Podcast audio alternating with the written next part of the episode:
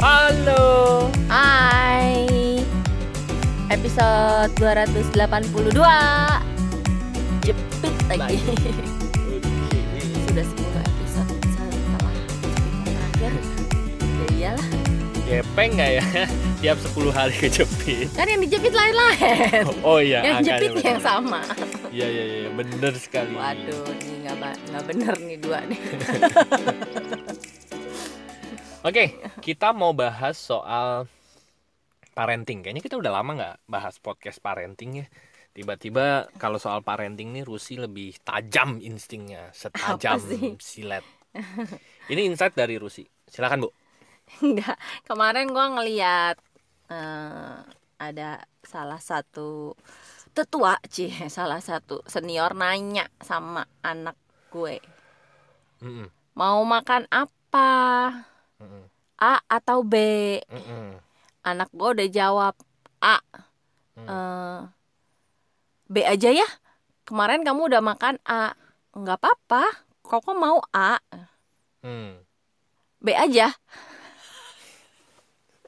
gue gue melihat adegan itu kan jadi em, jadi maksudnya mau ditanya atau Diarahkan. atau diarahkan suruh makan B gitu. Hmm. Nah, gue tuh sering gitu mendapati kejadian kayak gitu.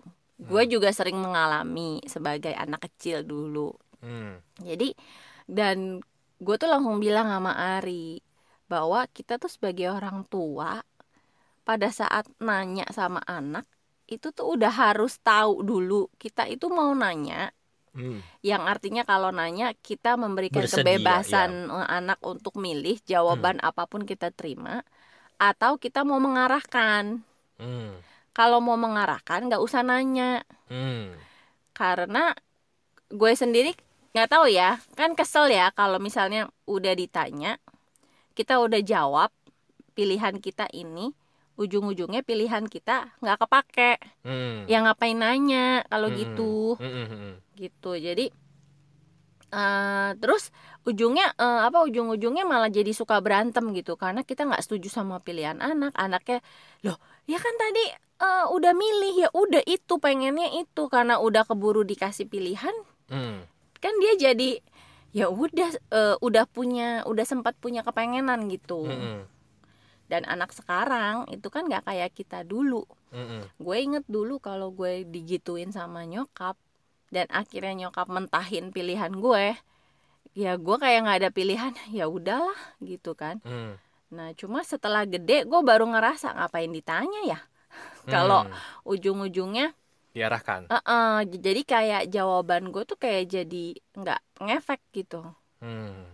apa pun yang gue pilih ternyata ujung-ujungnya Ya itu lagi pilihannya. Kita mengikuti pilihan orang lain. Iya Mm-mm. gitu. Jadi lain kali kalau ditanya bisa jadi udah males ngasih pilihan. Akhirnya Hmm. muncullah jawaban terserah. Hmm. Nah eh, kalau berkembang lagi berkembang Heh. lagi, Kalau dijawab terserah ngamuk ntar. iya Iya kan? benar. Apa nih gitu? Nanti Makanya- kalau jawab dibelokin lagi. Iya gue mau mabok sebenarnya ya. Terus gimana ya? Iya Oh, bingung kan oke, oke. gitu.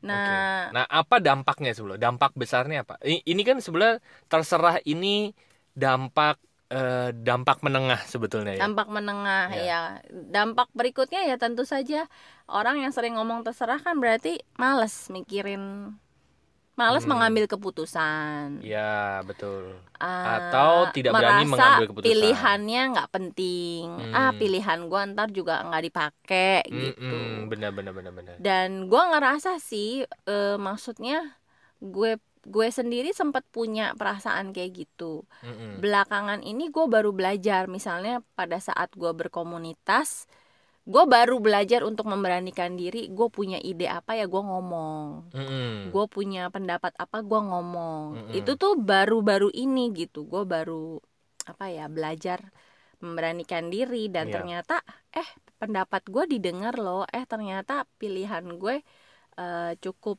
eh, oke loh gitu cuma gue masih ada tuh bawaan yang apa-apa gue nanya dulu gitu. Entah ke Ari entah ke temen gue yang deket. Karena gue pikir awalnya itu dulu gitu. Gue merasa pilihan gue tuh nggak cukup baik gitu. Karena selalu dimentahkan. Iya. nah sekarang setelah gue sebagai orang tua tentunya Hmm. saya tidak ingin itu berlanjut. Maksudnya ya berarti gue pengen anak gue berani ngambil keputusan apalagi Mhm. someday mereka mungkin apa ya dengan gaya hidup anak sekarang kemungkinan besar mereka tuh bakal jauh dari kita gitu Iya. dengan gaya yang mobile cakupan mereka yang lebih Luas. worldwide ya. ya kemungkinan mereka akan stay di mana pun yang mereka mau dan jauh dari gue kan itu sangat mungkin gitu jadi gue Iya. pikir itu salah satu skill yang juga perlu dimiliki anak zaman sekarang Iya. berani ngambil keputusan Betul. berani punya pilihan Betul. pede sama pilihan mereka Betul. tapi juga mereka tahu konsekuensinya apa ya kalau gue milih ini gitu Iya, iya, iya. dan itu ya dimulai dari kecil misalnya kalau baju Hmm. sama sih gue juga perlu mengingatkan diri gue ini gue mau ngarahin apa gue mau nanya gitu Hmm. Kalau gue udah tahu gua- dia harus pakai baju yang model ini karena kita mau pergi gitu Hmm. berarti gue langsung Langsung bilang ya. langsung nggak juga sih nggak- gimana ya kalau kita masih tetap mau bikin dia merasa bisa memilih Hmm. ya gue akan Pilihannya sediakan dipersempit. Oke. gue akan sediakan pilihan yang memang mengarah ke yang seharusnya dipilih gitu Hmm. jadi gue akan milih beberapa baju yang memang untuk pergi misalnya Hmm. terus gue bilang dek pilih mau yang mana ini ini atau ini Hmm. gitu dibanding gue nanya dede mau pakai baju apa ya berarti Iya, kan iya, iya. apa pun yang ada di lemari baju dia boleh dia pakai dong kalau gue Hmm, nanya hmm, gitu hmm, hmm. ntar pas dia milih ini jangan itu baju rumah udah udah ribet dah gitu Hmm. jadi memang Jadi memang pada saat awal-awal mungkin pada saat anak pa- eh, untuk untuk bisa membiasakan mereka memilih itu kita persempit pilihannya dulu gitu ya. Iya dan Iya. kitanya eh, tahu Contoh dulu kayak- kita iya, mau betul. apa gitu. Betul betul. Pertama tahu dulu mau dibebasin atau dikasih pilihan. Ya. Cuman kalau kita kasih pilihannya luas banget, dia akan memilih yang sebetulnya tidak pada tempatnya. Bisa jadi nggak nyambung dengan yang dibutuhkan saat ya, itu. tadi aja kayak mau ke mau pergi gitu ya, mau baju pergi. Kalau cakupan kalau ditanyanya mau pakai baju apa? Kan pilihannya banyak tuh ada ada baju rumah, ada baju baju santai, iya, baju ada main. baju eh, segala resmi, macam gitu gitu, ya. kan. Nah, tapi kalau misalnya baju per- yang dipilihin adalah baju pergi A B C gitu kan. Berarti kan kita sebagai orang tua memilihkan dulu apa cak, eh, pilihannya tuh dipersempit dulu gitu ya. Dan anak masih tetap ngerasa Pilihannya di iya. Oh, berarti gitu oh, ya? ini ini Hmm. gue nih yang milih bajunya gitu. Iya iya iya iya. Terus iya, kayak soal makan aja, kadang-kadang kita bilang Mau makan apa? Iya, Terus itu- kalinya anak-anak jawab, kita, aduh jangan deh, itu kan, ye tadi nanya mau makan apa. Terus Iya, mereka udah keburu, "Hah, udah keburu kepikiran makanan itu, jadi pengen gitu. Jadi, nah kalau makan kita persempitnya gimana? Mau makan apa? Entah yang Sate dek- apa bakso? Eh, Gitu. Entah yang deket ya, Heeh. entah yang murah misalnya harganya. Iya. ya kan disesuaikan dengan budget saat itu Iya. gitu ya. Berarti pilihannya tuh langsung disodorin gitu ya. kecuali kita memang lagi mau ah terserah, anak-anak deh iya. nah baru kita buka pertanyaannya yang Mau mau makan makan, apa?" apa? nih apa aja boleh gitu Mm-mm. Itu berarti apa pun yang mereka pilih kita udah siap yo hayo gitu udah siap nurutin ya Iya. Kita Gitu sudah siap dengan sih. konsekuensinya ya. iya Iya iya iya iya iya iya. Oke oke. Tapi menarik loh. Eh gue juga eh, gara-gara Rusi bilang ini gue baru menyadari bahwa banyak orang yang eh, sulit mengambil keputusan bahkan tidak berani mengambil keputusan dari hal-hal sederhana kayak gini. Gue cukup sering memperhatikan kalau kita diskusi gitu ya, mulai dari kerja kelompok aja waktu kecil ya. Mm-mm. Dulu kecil kerja kelompok kan. Iya. Sekarang masih ada yang ngasih kerja kelompok ada begitu ya? Ada ya. Nah, coba deh perhatiin. Misalnya kita kerja kelompok dengan lima orang. Pasti ada orang-orang yang berani bersuara dan hawanya itu memang hawa yang berani bersuara. Ada orang yang ngikut aja gitu. Mm-mm. Ngikut aja tuh eh, apa ya? Hawanya itu bener-bener diem yang tidak mau bersuara gitu. Nah, gua ngerasa jangan-jangan ya, jangan-jangan mereka begitu karena tingkat kepercayaan diri mereka yang rendah gitu. Dan juga sama kayak tadi Rusi bilang tadi, mereka tidak berani untuk mengungkapkan suara mereka karena mungkin selama ini pilihan mereka dipatahkan gitu. Tapi gue menyadari juga sih, ada orang-orang yang akhirnya berubah kayak Rusi tadi cerita. Tapi berubahnya itu bener-bener berubah dari dalam gitu. Pada saat Iya. tingkat kepedean mereka naik, mereka tuh bisa loh eh, sekarang bisa berkomunitas dan akhirnya mereka buka suaranya. Hawanya Dan- tuh langsung berubah gitu. Iya. Dan benar kata Ari, berubahnya tuh dari dalam karena salah satunya kan eh, perasaan yang muncul ketika kita nggak berani karena pilihannya Mm-mm. selalu dimentahkan itu adalah perasaan ditolak. Betul. Nah, takut, khawatir eh, apa eh, segala macam. Iya. Nah, dengan itu ya salah satu menyembuhkannya adalah kita menerima diri kita sendiri gitu. Mm-mm. Kadang-kadang kitanya kita aja menolak diri kita kan. Hmm. kayak malu sama diri sendiri, menolak apa segala macem. Jadi takut sama eh, orang nolak, takut sama orang nggak setuju sama kita. Mm-mm. Nah itu akhirnya yang bikin kita ya udah deh mending diem aja, ngikut Mm-mm. aja, cari aman aja. Mm-mm. Eh, nah apa? Hmm, sampai satu titik kita bisa itu ya mungkin udah bisa menghargai Mm-mm. diri, mencintai diri. Jadi ketika udah begitu itu kita tuh lebih kebal sama penolakan atau ketidaksetujuan orang sama Iya. kita. Jadi ya udah yang penting justru gini kalau nggak kalau gua nggak ngomong Hmm. siapa tahu itu ide bagus kan Iya, sayang Betul. atau kadang-kadang seringnya begini kita nggak ngomong padahal kita punya ide A eh ternyata ada orang lain yang Hmm. ngomong ide A Hmm. dan ternyata eh, orang pada suka setuju Hmm. itu mungkin dia akan punya perasaan menyesal Mm-mm. tuh kan gue juga udah mikir tadi sebenarnya Mm-mm. tapi nggak berani gitu dan benar. itu tuh malah jadi bikin menyalahkan diri lagi Iya. Malah Terus- lebih double ya Iya. perasaan nggak enaknya ya. Iya. kesel terus bi- bisa jadi malah jadi iri malah jadi ke mana-mana gitu loh Benar-benar. nah ketika kita udah eh tadi ya udah lebih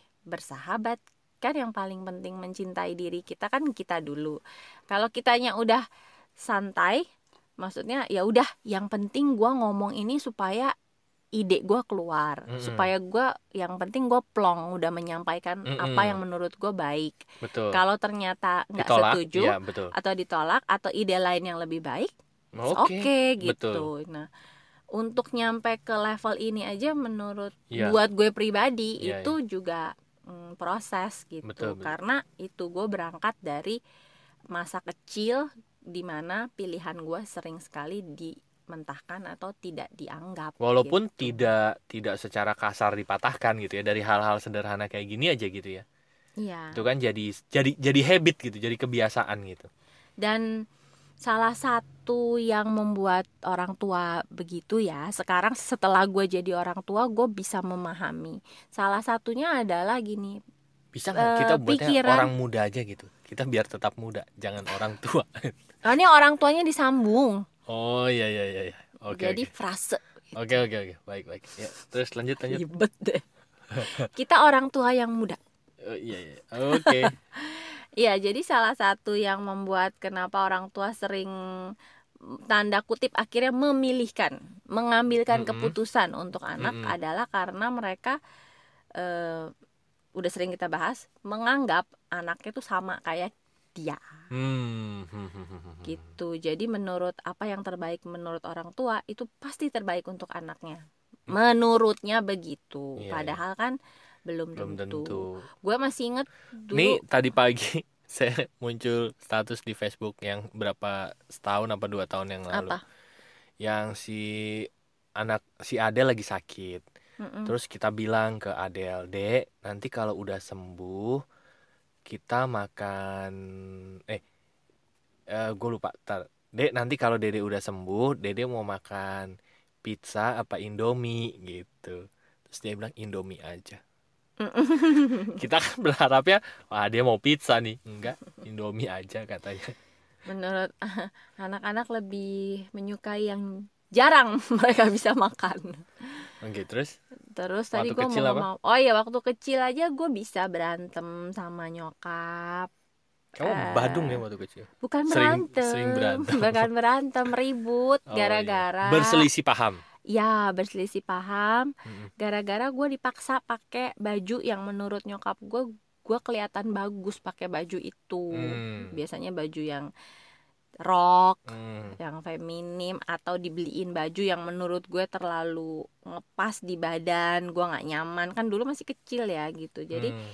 Kayaknya berasanya masa sih? Tapi nyokap gue keke bilang itu bagus bagus. Dan akhirnya ketika tapi kan gue yang make gue yang nyal gue yang gue yang keluar dengan baju itu gitu kan. Hmm. gue yang menghadapi gimana sih kalau gue menghabiskan misalnya sehari pakai baju yang gue nggak nyaman kan guanya jadi ya gimana Hmm. nggak enak kan. Jadi gue tetap ngotot gue nggak mau pakai. Dan itu bisa bikin nyokap gue marah banget gara-gara Hmm. gue nggak mau pakai yang menurut dia itu bagus gitu. Hmm. dan sampai sekarang gue kadang-kadang masih begitu sama Adele. Dan makanya gue jadi mulai bisa memahami gitu. Oh ini toh kenapa dulu ny- nyokap tuh juga suka maksa gue. Karena itu bagus deh gitu. Gue kayak mendengar gue jadi nyokap. Cuma ya itu gue akhirnya ah ya udahlah. Gue karena gue inget dulu gue juga punya pengalaman begitu ya akhirnya kalau itu bukan sesuatu yang penting-penting banget sesuatu yang masih bisa gue toleransi ya udahlah gitu Hmm. yang penting pakai baju kan daripada gue keluar nggak pakai apa-apa kayak gitu Iya, Tuh, iya, jadi iya. nah itu karena menurut seleranya nyokap dia demennya yang selera itu ternyata gue demennya yang selera ini Beda, iya. gitu ya ya. ya. soal makan juga Mm-mm. Kamu perhatiin nggak Maksudnya? Eh, jadi misalnya nih ada anak yang ada orang tua yang nggak doyan makanan A Mm-mm. terus dia eh, langsung apa kayak menularkan dia nggak doyan ke anaknya gitu Mm-mm. Betul, Jangan-jangan yang itu nggak enak padahal mungkin setelah anak itu nyoba, ingat anak kan orang yang berbeda dari orang tua kan. Biarpun ada kesamaan, keturunan genetik, tapi tetap aja beda gitu. Betul betul. Dia Dan- pribadi yang berbeda. ha. Bisa jadi anaknya doyan apa yang dia nggak doyan Mm-mm. gitu. Dan kalau gua sih ya ya udahlah Iya. gitu. Tapi Untuk bisa mer- untuk bisa menyadari bahwa selera kita itu berbeda untuk orang tua dan anak itu juga eh, satu tingkat kesadaran yang eh, cukup lumayan loh. Nggak mudah bagi orang tua untuk sampai bisa menyadari bahwa selera gue sama anak gue berbeda. dan boleh apalagi berbeda. dan boleh berbeda iya. Nah apalagi pada sa eh, pada masa anak-anak masih kecil. Mungkin masih di bawah 10 tahun masih di bawah lima tahun gitu. Dan mungkin yang paling berat nanti pada saat mereka sudah mulai teenagers pada saat mereka remaja tuh.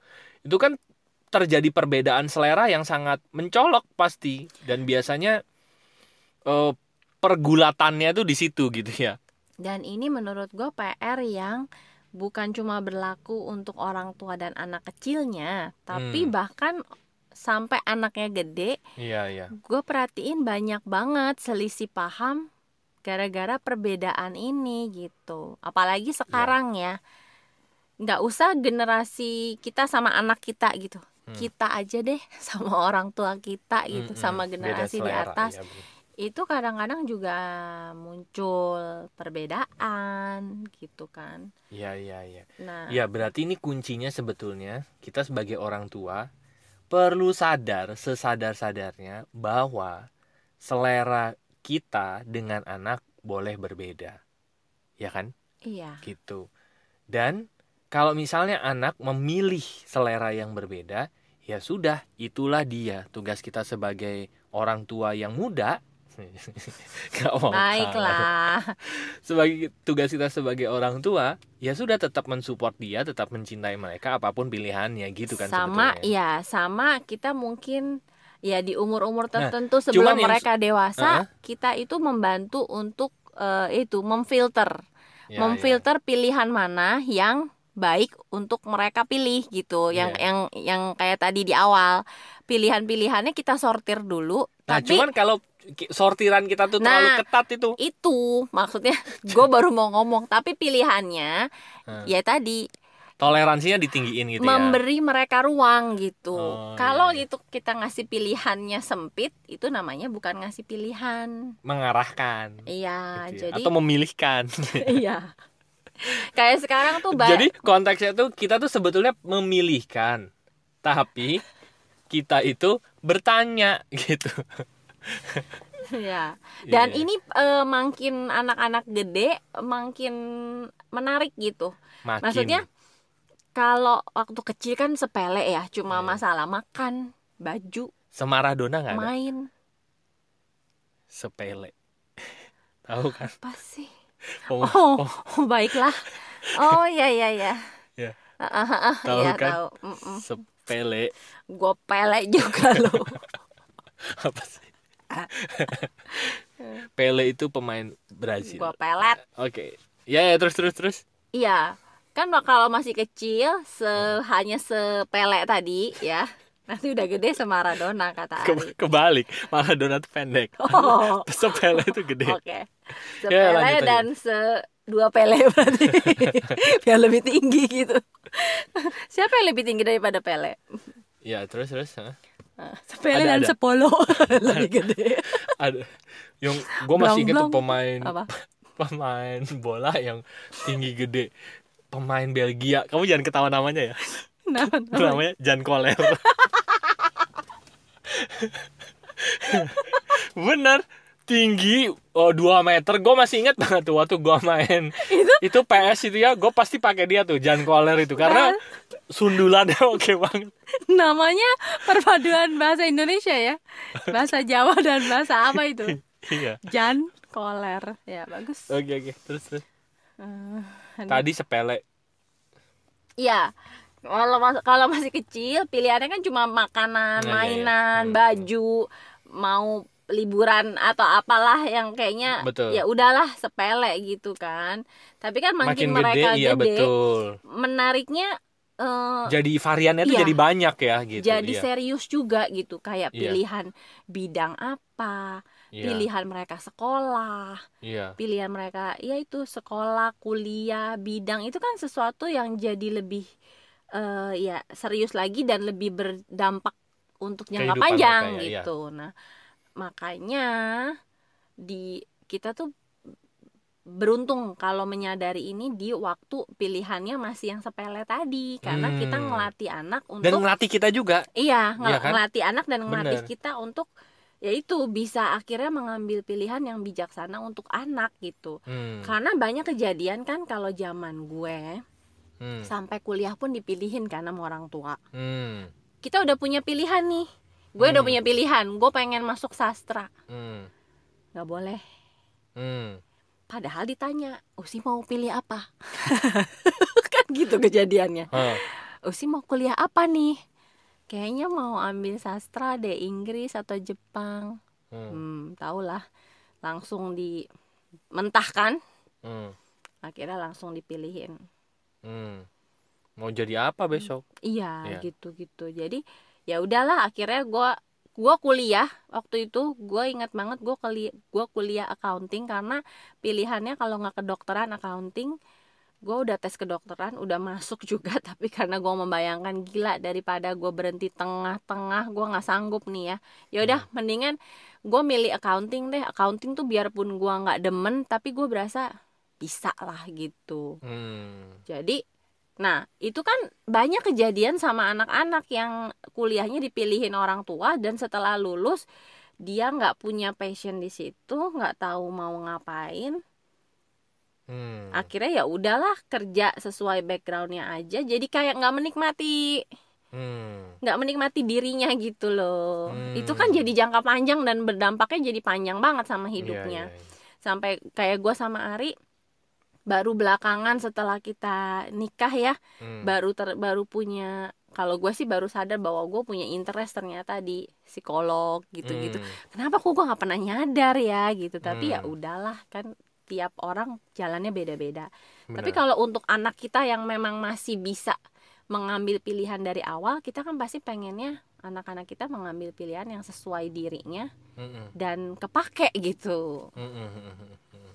Nah itu dimulai dari ya itu hal-hal sepele melatih Hmm. diri kita melatih anak-anaknya juga gitu Ya, ya, ya, ya.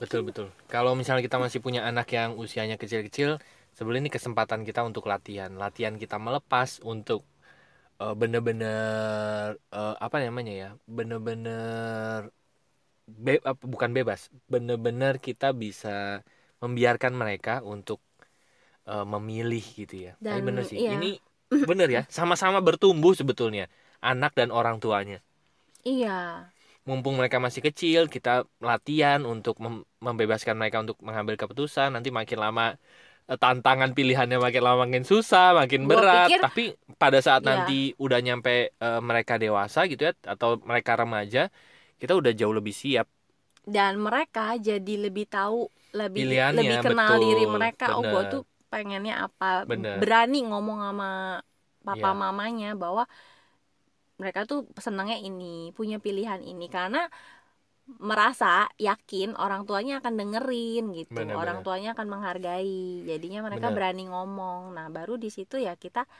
eh, discuss lah brainstorm dan gue pikir anak juga perlu bisa ini ya perlu bisa tahan untuk yang tadi eh ditolak Mm-mm, eh, negosiasi mm-mm.